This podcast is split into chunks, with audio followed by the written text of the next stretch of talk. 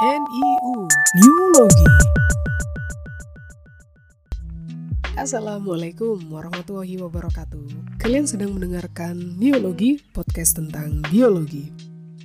Untuk episode kedua ini saya akan mengenalkan sel tanaman.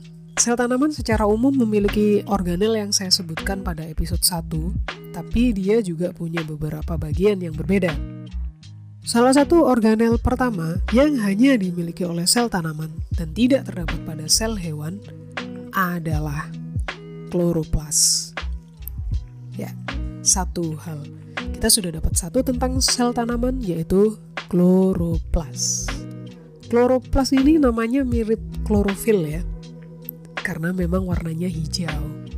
Dan fungsinya adalah tentu fotosintesis ini hanya terdapat pada sel tanaman. Baiklah, organel selanjutnya yaitu vakuola. Hampir 90% sel tanaman itu dipenuhi oleh vakuola, satu kantong besar. Jika kalian mengamati gambar yang sudah saya berikan, pada sel tanaman itu tampak ada rongga besar.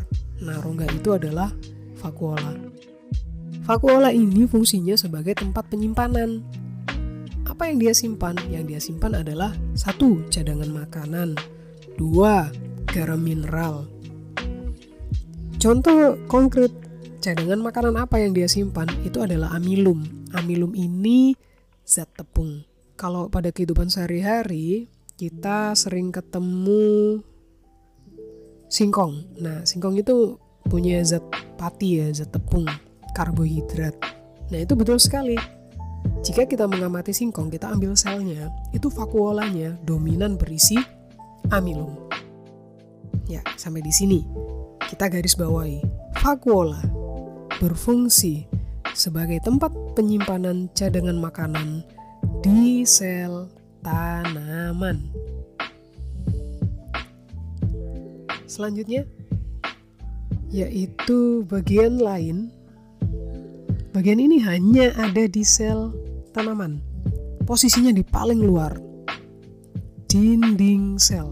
Ya, dinding sel. Seperti dinding, seperti tembok, sifatnya keras, kaku, solid, atau padat. Dinding sel tanaman juga begitu, keras, kaku, padat, kuat, kokoh. Ini yang membuat tanaman itu keras. Kita contohkan saja, jika kalian menyentuh tubuh kalian yang terdiri dari sel-sel hewan tadi, lunak Berbeda jika kalian menyentuh tubuh tanaman. Saya ambil contoh batang. Dia keras karena selnya mengandung dinding sel. Penyusun dinding sel adalah selulosa. Inilah yang membuat dinding sel kaku, padat, dan solid. Itu juga alasan kenapa kita tidak bisa mencerna tanaman sebanyak kambing mencerna tanaman. Karena sistem pencernaan kita tidak bisa memecah selulosa selulosa ini dominan ada pada sel tanaman. Itu tentang sel tanaman. Saya akan merangkum dari episode 1 ke episode 2. Perbedaan yang menonjol antara sel hewan dan sel tanaman itu satu pada struktur, dua pada organelnya.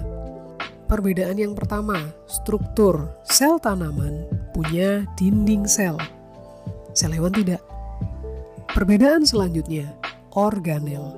Pada sel tanaman tidak memiliki sentrosom, hanya ada pada sel hewan. Tanaman tidak punya. Lalu perbedaan selanjutnya adalah tentang cadangan makanan. Pada sel hewan, cadangan makanan yang dimiliki berupa lemak dan glikogen. Sedangkan pada sel tumbuhan, cadangan makanannya hanya satu, yaitu amilum. Itulah tentang sel tanaman beserta perbedaannya dengan sel hewan.